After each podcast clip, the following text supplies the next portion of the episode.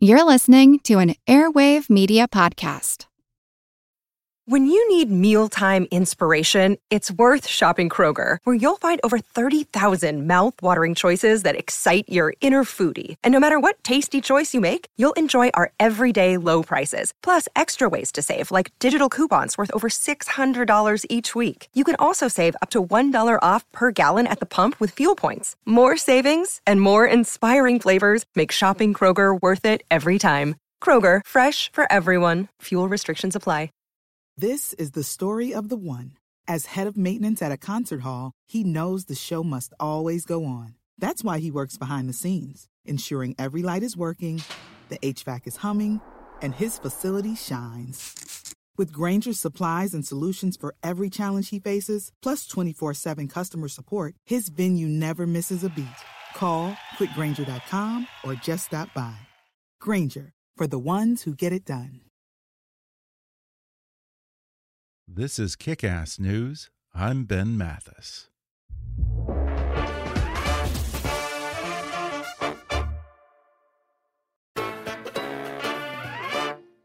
Today, I'm happy to welcome back to the podcast weatherman and Today Show co host Al Roker.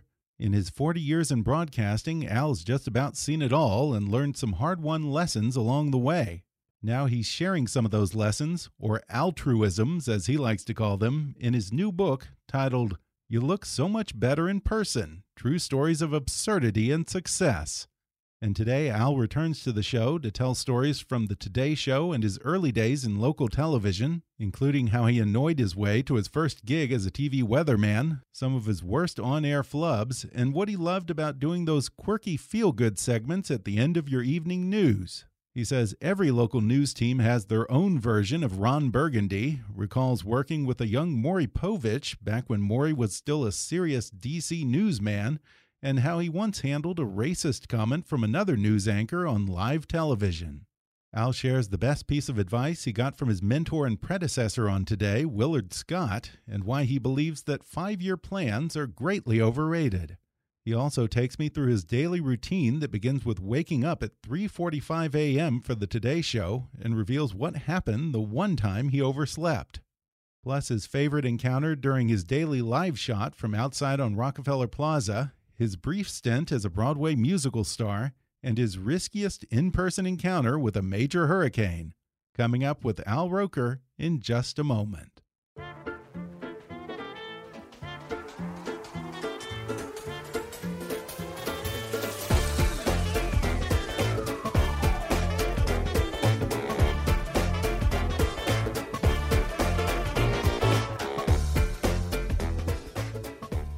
Al Roker has earned 13 Emmy Awards as longtime weather and feature anchor of NBC's Today Show and the co host of the third hour of Today. He's also a New York Times best-selling author with many acclaimed books to his credit, including his latest, titled You Look So Much Better in Person True Stories of Absurdity and Success. Al Roker, welcome back to the show. Well, thank you, Ben. Good to, good to talk to you again. Well, yeah, it's great to have you back. Now, last time we talked about your terrific book on the Johnstown flood, but your latest book seems to be a lot more personal. In fact, I think that you say that the title, You Look So Much Better in Person, is something that you hear all the time from fans at the Today Show, right? Yeah, I usually go out. Of this is obviously pre-pandemic, but I'd go out at about seven fifty because I'd have about twenty minutes, mm -hmm. and you know I'd schmooze and you know take pictures or whatever. And literally every day, somebody would usually say, "Oh my gosh, you look so much better in person." And it's like, well, you you you know I'm on TV, right? Because it's not really a Yeah, compliment. Yeah. But you know, you don't want to be rude, and you say, yeah, so you say thank you. That's awfully nice. Thank you so much for insulting the way I look. I appreciate it. Thank you. I'm going to go now and lay down in front of a bus.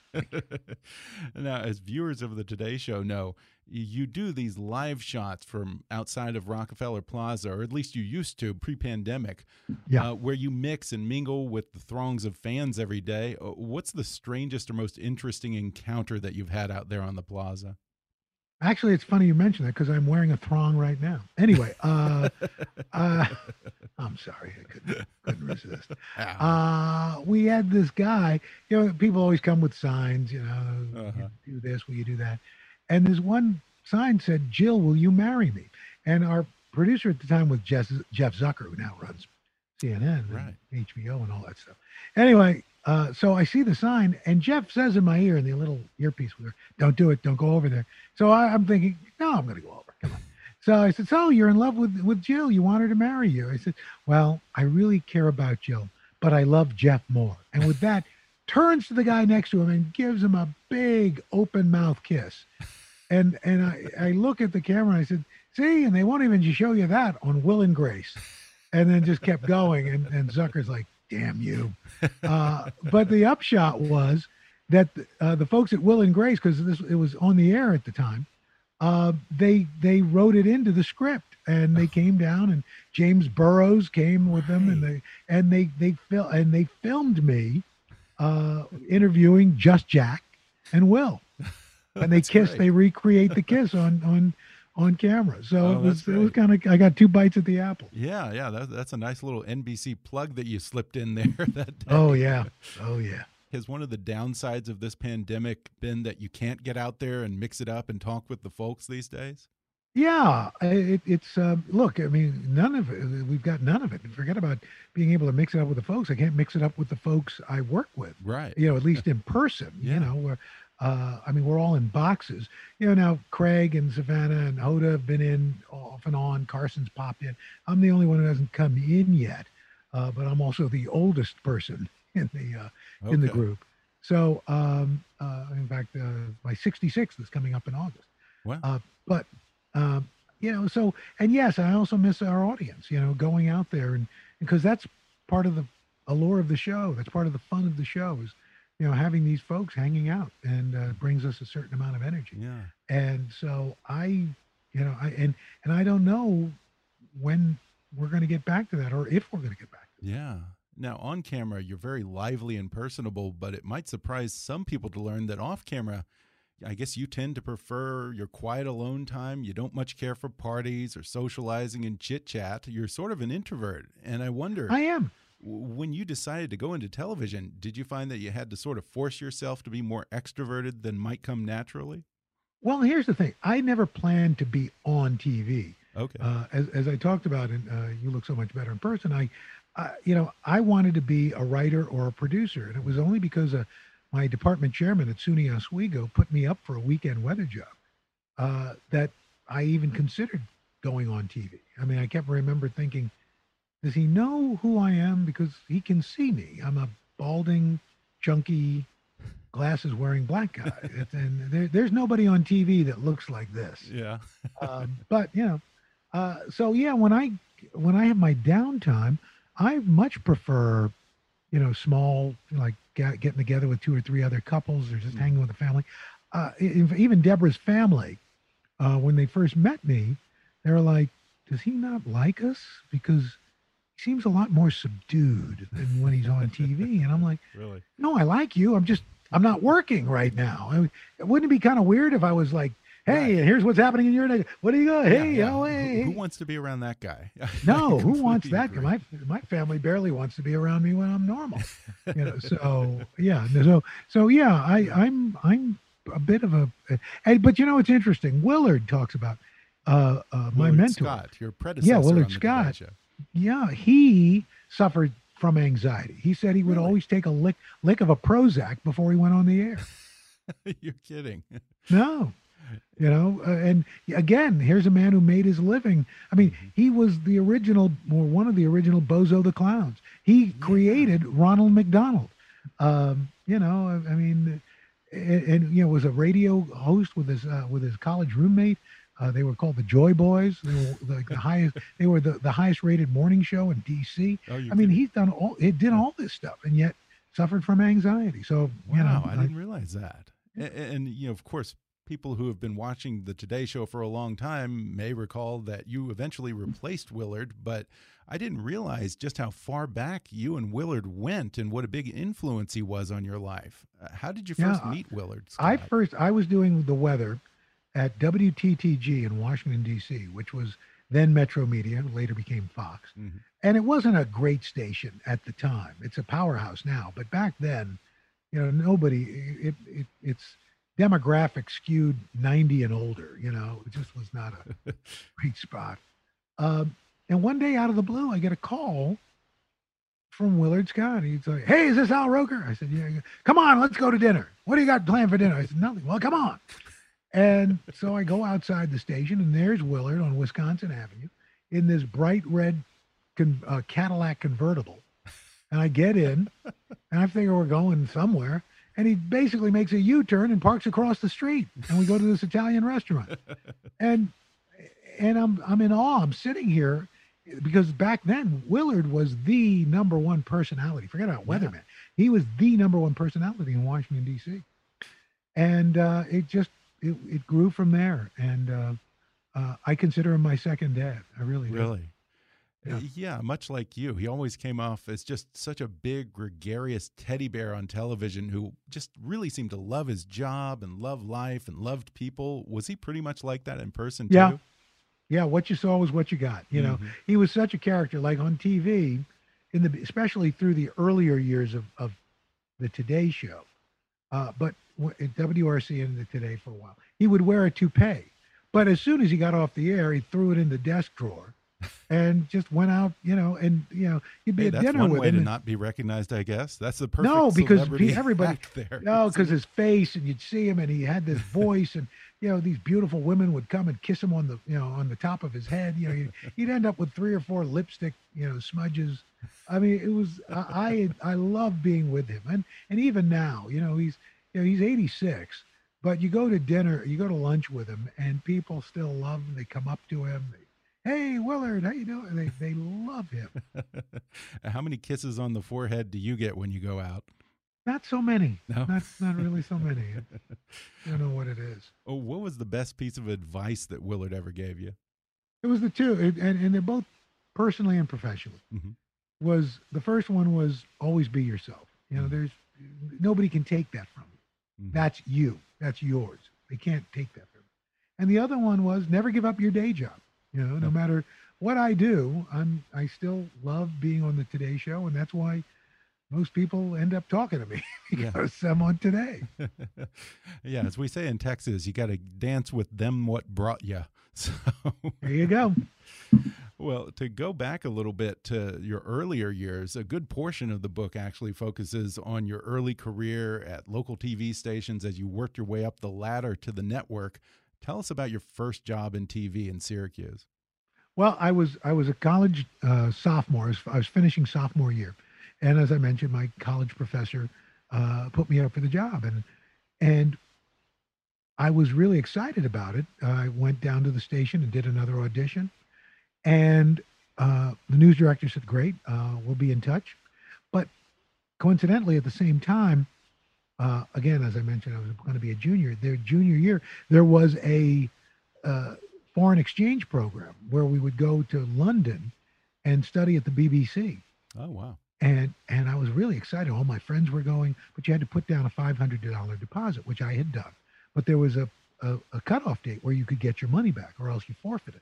This is 1974. I mean, even today, 500 bucks is 500 bucks. But in 1974, 500 dollars was uh, like worth like two thousand dollars. Uh, and I wasn't going to hear about the job until after the cutoff date. So I pulled out of the program. Now I'm like morose. I'm thinking, oh, I'm not going to get this job, and I'm not going to be able to go to London. Uh, and I kept calling the, the the station, and back then they actually had switchboards, and uh, and I got to know the switchboard operator. As it turned out later, I found out her name was Rosie, and I would call and she goes, I asked for the news director, Andy Brigham, please. Oh, hi, dear. No, Al, he's not in right now, but I'll tell him you called. and and this would happen for a week, and finally, one day she goes, "Oh, hi, Al. Just a minute. He's in. I'll put you through." And I'm like, I'm like the dog that chases the car and then doesn't know what to do when Right. he catches it. I, I'm stammering. Brigham news. Uh, hi, uh, uh, Mr. Brigham. It's uh, it's Al Roker. And ah, geez, yeah, yeah, yeah. Listen, the way, the only way I'm going to get you off my ass is to give you this job. All right. So you got the job, okay? I said, yeah, yeah. Any questions? No. Oh, all right. Bye. Click. And then I realized I didn't ask him when I start. When I Yeah. so I had to call back because we didn't even have a newsroom secretary back then. You know. So uh, and, and I got the gig, and and it So was it was an your way exciting into time. a job, huh? I did. I did. And I tell young people that today. Look, Yeah. don't just text and email. hmm Call, pick up the phone, make a connection, because nobody gets a connection from an email or a text. So you know, LinkedIn, Schminkton, all that stuff. Call. Yeah, and it's harder to turn you down when you're talking over the phone to someone in person rather than Yep. you know them just ignoring your email. That's a lot easier to do, isn't it? Absolutely.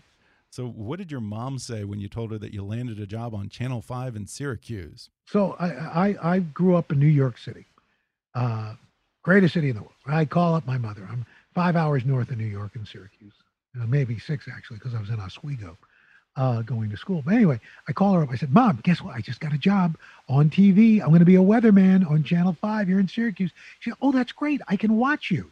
I said, "No, no, Mom, you can't see me. You're you're in New York City, but we have Channel Five here." I said, "No, no, I I, I get that, Mom, but." our channel 5 in Syracuse is different than your channel 5 in New York. Well, how can a 5 be different?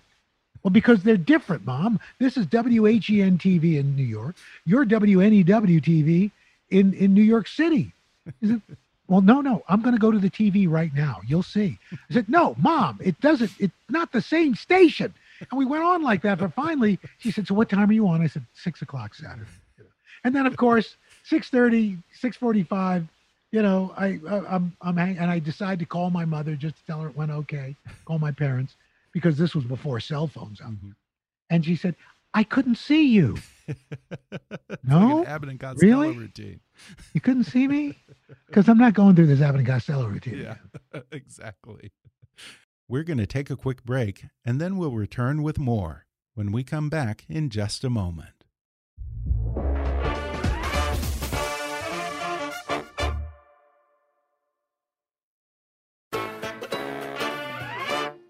To me, it's just so funny how every city has their own version of that same local news gang. You have the Ron Burgundy type, the affable weatherman, the guy who does the exposes of local corruption. And I remember for me growing up in Houston, it was Marvin Zindler who Marvin Zindler, glasses. Do you Eyewitness? News. Yes. Oh, yeah. How do you know Marvin Zindler?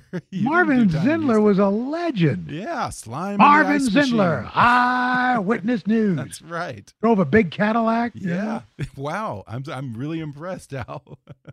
I mean, uh, there's almost something archetypal about local news teams that you just instantly recognize whether you're watching Oh, yeah. TV in Sarasota or Kalamazoo, isn't there? Uh, one of the things I like collecting are the slogans: Uh-huh. live, local, late breaking, coverage you can count on, coverage you can trust. You know, it's, it's just uh, I love those. You know, I that I do miss that. You know, Oh, yeah. the, you know the and we we had what was called the the lookup. You know, where where it's the end promo shot of all Right. the anchors, and we're all kind of you know, and look up to the camera. You know, Yeah. and they they'd have you do it a couple of times. You're serious, Oh yeah. happy, medium. Yeah. Yeah. I mean, when you first saw the movie Anchorman, did you recognize the characters and situations in the Oh, newsroom? Is sure. there some truth you to know, that? I one of the people who had a big impact on me was my first weekday anchorman because I started on weekends and then I moved to weekdays, and it was a guy named Ron Curtis. He was from Syracuse. Uh, his real name was Ron Ezzo, but you couldn't be ethnic on TV then. You know, um, like if you had a Polish last name or an Italian last name, they made you anglicize it. And he was just he was this guy, very prim and proper. Uh, he wasn't a he wasn't by any stretch of the imagination of a buffoon, but he was he was serious. Uh, he when he was in the office, he never took off his jacket, never loosened his tie, Really? and and I remember I, I remember being impressed by that. Yeah, you know, always uh, camera ready. Yeah, always ca- always ready to go. YouTube is just full of clips of local news anchors letting an F bomb slip or falling out of their chair and stuff like that. I wonder what's the biggest on air flub that you've ever witnessed when you were in local news? Well, I I did it. It was Oh, yeah. uh, It was I was you? trying to I was trying to I was in I was at WNBC in New York and I was trying to say warm air mass and I said warm ass.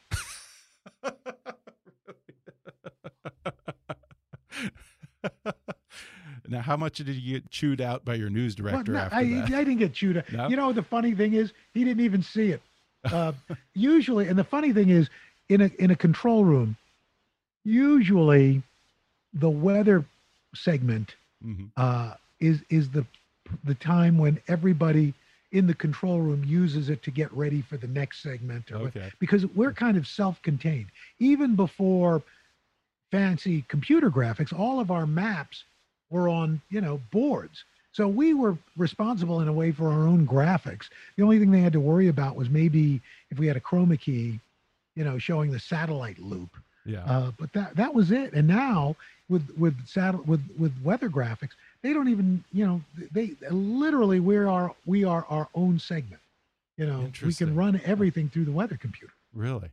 Now, in addition to doing weather, when you were doing local news, you often got assigned to doing those quirky little feel good segments that Mhm. usually come up at the end of a newscast. The A kicker. yeah. And a lot of journalists always turn their nose up at those little pieces. But did you enjoy those? Did you like them? I love them Yeah. because it was the last thing people got to see in the newscast. Mhm. And usually you could have fun. Yeah. You weren't bringing people bad news, and you could do goofy stuff, and people would, uh, and and people were really, you know, thrilled. They, they were happy to end after a, you know 20 minutes of of mayhem. You know, here's something that okay, at least the world isn't going to completely to hell in a handbag. Uh, there's a funny story in here about how I guess when you did these fun little segments, the local news anchor would just pester you with all of these follow up questions that on on the air that you weren't prepared for. Yeah, like well, kind of he was- it was funny. He would- He he was one of these guys who liked to trip people up. oh, and to the point where now his wife was his co-anchor and he would do something it was like some kicker where he'd say so mona what's the square root of 78 times three?" and she go well doug i don't know he goes well any third grader would tell you it's x you know and you know so it was like jerk. wow he just threw his wife under the bus unbelievable or, or our sports guy this guy tom ryder would say doug listen i'm going to do this story i don't know about what so don't ask me. And sure enough, it was like when Tom would say that, I'm thinking, no, don't tell him that. He's going to screw you, you know. And sure enough, he'd ask him. So, uh, you know, you, you you'd see these, t- you know, every now and then you get like again the, the the kind of a little bit of a pompous anchor who would, Yeah. you know, everybody else had to be a little lower to make him feel good. Mm, yeah, yeah, we know the type. And you also apparently worked with Maury Povich when you were at WTTG in DC, I think, right? That I did. Now he that was before he had a talk show and all the paternity tests and that sort of Yep. thing. What was he like back then? Maury Povich, and, and he look, he makes no bones about this. You know, he was a hard news journalist. Uh, uh, he was on. He hosted a show called Panorama, that was uh, on our station was watched by everybody on Capitol Hill and the White House. It was a mover and shaker type of program. Uh, and you know, he makes the joke that he he he was on network news. It was just he was doing it one station at a time. He was in in D.C. and Detroit and Chicago and L.A. and New York, and eventually, and then the talk show came up, and uh, you know he you know pushed aside the journalism and went for for this. But you know it it feel fills a need, and but for me, he's he introduced me to my agent who uh, helped. He told him he told his agent, look, there's this kid here. You might want to take a look at him. Uh, boom. Well, when you started out in local news, I mean, let's be honest, there weren't many people of color in front of the camera back then in the 70s and 80s. Uh, were you cognizant of that? And did you encounter much racism in the business, either overtly or maybe more subtly? You know, look, there were a lot of reporters. There were some anchors, but far more reporters Mm-hmm. uh, back in the 70s. Like in New York City, we had Melba Tolliver and John Johnson and Gil Noble and Bill Mhm. McCrary and Right. uh, Bob Live Teague. at Five crew, right? Yeah, yeah, you Yeah. know. Uh, um, but you know, then then you uh, Vic Miles on WCBS. Uh, but you know, and then you got into smaller markets, and there were fewer. But uh, yeah, you know, look, there's there's the um, uh, sub, you know, the the subconscious racism. But you know, I worked with that same anchor I had talked about. You know, one night had been uh, accosted by a homeless black guy that we all knew. Uh, and but this guy, for some reason, that night bopped him, bopped my anchor on the back of the head. The next day, he's telling everybody how, oh my gosh, he was, you know, assaulted and mugged. And now we're on the air, and his wife Mona is about to introduce me, and we're live. And he said, Mona, before you introduce Al, Al, I have to tell you this. I don't know if you know it, but last night, one of your people attacked me. Oh, wow. And I, I you know that's one of those moments where time just stands still, and and you're not quite sure. You know, I erupt in, in outrage. What do I? And I looked at him. I said, Doug, why in the world would a weatherman attack you? And then just kept going into the weather. But the whole time I'm like, oh my God, what's going to happen? What's going to happen? What's going to happen? And the switchboard lit up. People were outraged. And he was he was suspended, then became was demoted to field anchor, Hmm. and then uh, uh, eventually left the station. But wow. you know, I knew him. I, I would have, I, I was shocked that he came out with that. But it's, you know, and I'm sure he didn't think it was a racist statement. Hmm. But there you have it. That wouldn't fly these days for sure. And and I think that you said you were actually more worried about your weight than the color of your skin being a problem for you as a Yeah, you know, I, uh, and listen, I know that if I was a woman, I would have never gotten out of Syracuse really? uh, Wow. weighing what I did, Hmm. but, or did, you know, and I gained and lost and gained and lost and gained and lost. But it was always uh, something that I, I, you know, was very self conscious about. Mhm. uh, you know, and there were health issues. Thankfully, I, my blood pressure was fine, my cholesterol was fine. It just weighed way too much. It was putting too much skeletal strain and, and probably strain on my heart. So, you know, I, I I found that um, that I, I think weight was more of a factor in my career than, than race, but I'm sure that was part of it as well. You've been in the business for 40 years, but how many of those years have you now been at the Today Show? Uh, I started full time at Today in '96. I started filling in for Willard in like 1985. Wow. Um, so but- that's pretty much your home for a long time now. huh? Yeah. Wow. And now the Today Show comes out at, I guess, on the East Coast, what, 7 a.m. Is that right? 7 a.m. Yep. So you must have to get up pretty early. Walk us. I get up about typical day for 3:45 each morning. Uh, What 3:45? Yeah. Wow. That Well, here's the deal. Several I write hours about this- before me. I'll tell you that. I, I write about this in the book, and that I say get up an hour before you have to. Uh-huh. A, you're not rushing, you're not crazed, but B, that quiet to me is worth its weight in gold. Mhm. You know, there there are no emails to answer, there are no texts to send. Uh, the kids aren't bothering you. You're not. You. It's it's your time. And uh, even now, you know, on this on a Saturday, I like getting up around six six thirty before everybody else is up, even before the dog, and I can just kind of sit there and just kind of collect my thoughts and just be. But one day in your career, uh, you actually overslept only once, right? In, in Right. all those years, huh? What yeah, and and technically, see, I was doing a show for the Weather Channel called Wake Up with Al. started at 5 a.m. went till I stayed till about 6:45, and then went over to the Today Show. Um, and this one morning, I just overslept. I uh, the show started at five. I woke up at 5:20. It's like, oh, geez. okay, I'll be there by six. So I was late for that show, but I was on time for the Today Show. Yet it was like front page news. It was on USA Today. It was on online, Yahoo News, this, that. I'm like, really? Is, are things that slow that a weatherman was late for his cable morning show? yeah, you made news with that, huh? Even though you made the show, that's Yeah. hilarious. And it's like, seriously? Well, on a more serious side, in the book, you actually tell the story of being in Cancun to cover Hurricane Dean. But even by then, I guess you were no stranger to hurricanes. I, I wonder what was the most harrowing in person encounter you have had with a major weather event? I would say Hurricane Wilma in 2005. That was the year that we had so many hurricanes. We ran out of letters and went to the Greek alphabet. Uh, and and uh, that was the same year as Katrina.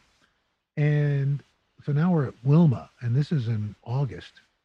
Uh, I should. I'm. I'm sorry. It was in October, and uh, I was out on a balcony, hundred mile per hour winds or more gusts, and a, a, a, a camera guy was literally out of camera range, holding onto my legs so I could stand up in the wind.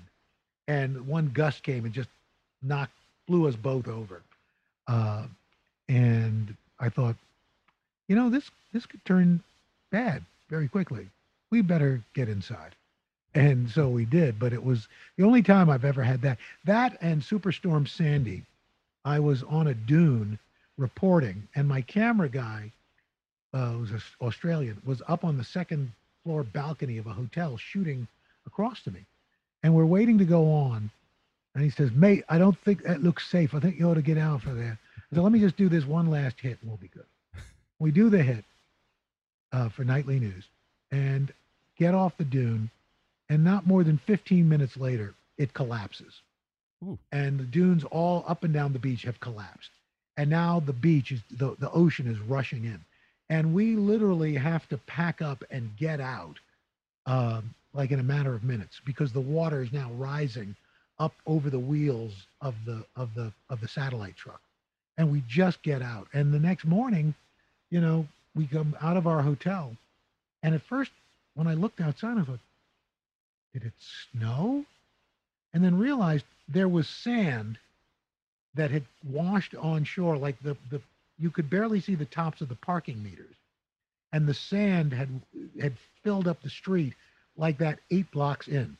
We were walking on top of like three, four feet of sand. Oh, that's unbelievable. Yeah. so you have multiple on multiple occasions have willingly walked into situations like yes. that. what yes, do your producers say when you want to get out there and get out in the rain and the craziness and the well, wind? you know, they they, they want to make sure you're safe. And I yeah. listen, I I like my life as much as the next person, so I am not going to go out of my way for dangerous situations. But Yeah. you know, you you try to get out there and, and cover it. Yeah, well, I have to say, you you definitely come across as a man who loves his job, and I think you say in the book that you call being a weatherman the ultimate sweet spot of news broadcasting. What is it that you love so much about it? Well, you're live. Mhm. Uh, you're talking about something people care about, no matter who you are, uh, where you're from. It cuts across all lines, and uh, you know it's one of those things that I think everybody loves, Mhm. and you get to be yourself. It's uh, I love it. Now, in addition to your day job, you got to star on Broadway in the Broadway musical The Waitress. I'm I'm not aware of you as a song and dance man, Al. So was there a steep I'm not. learning curve there? It was. I had to, I only had one song. I take it from an old man. I play old Joe. Uh, eh, but I uh, and I sing to Jenna, the waitress. And uh, I was going to say no. And my daughter, who at the time was a, uh, a, a junior at the LaGuardia Performing Arts, the Fame School, said, "Dad, it's it's Broadway. How do you say no to Broadway?" I said, "But I'd have to sing." She goes, "Ah, you can talk on pitch." And it was one of the most rewarding uh, experiences I've ever had. Yeah, I'll bet. But but very unexpected. And I think you even mentioned in the beginning that even your being a weatherman was very unexpected. And it's just with a little luck and perseverance, it kind of worked out that way. Do you think there's a lesson in this about maybe not getting too attached to your five year plan and that sort of thing? Yeah, don't don't do a five year plan. Yeah. You look at look, uh, look at everybody's five year plan today. We're we're all at home. Right. Uh, we're in the midst of a global pandemic, uh, economic upheaval, and and social unrest. Hmm. You know, everybody's plans out the window. Always say yes. Always say motto. yes to everything. What- well, what do you unless say it's no something that you you know, if, if somebody's asked you to kill somebody, Okay, fair enough. say no. say no. And then and even then, it depends on the person. Oh, Is there an example of just a project or an offer that was just a little too out of your area of interest or a little too weird or I don't know? Not you yet. said no to? Nothing's come up Really? yet. I refuse. I will say no to bungee jumping and skydiving. not going to do it. What about adult movies? Definitely not going to do it. Okay, fair enough. I finally got a no out of you. There you go. All right, I did it. Well, before we go, I have to ask, what's the worst weather prediction that you ever made? In other words, one where you you just ended up being way way off, or does that happen anymore? I don't think it happens that much anymore. Really? I mean, every now and then, but you know, for the most part, you know, we're the accuracy rate's about eighty-seven percent. So That's not bad. I'll take those odds. Yeah. well, again, Al Roker's book is called You Look So Much Better in Person True Stories of Absurdity and Success. And you can watch Al on Today and the third hour of Today on NBC during the week. Al, thanks for talking with me. Thank you, Ben. Have a great day. Stay safe. Thanks again to Al Roker for returning to the podcast. You can order his book, You Look So Much Better in Person True Stories of Absurdity and Success, on Amazon, Audible, or wherever books are sold. You can watch Al every weekday on NBC's The Today Show and follow him on Twitter at, at Al Roker. If you enjoyed today's podcast, be sure to subscribe to us on Apple Podcasts and rate and review us while you're there. Five star ratings and detailed reviews are one of the best ways for new listeners to discover the show. You can also follow us on Facebook or on Twitter at, at KickassNewsPod and recommend us to your friends on your social media. For more fun stuff, visit kickassnews.com, and I welcome your comments, questions, and suggestions at comments at kickassnews.com. For now, I'm Ben Mathis, and thanks for listening to Kickass News.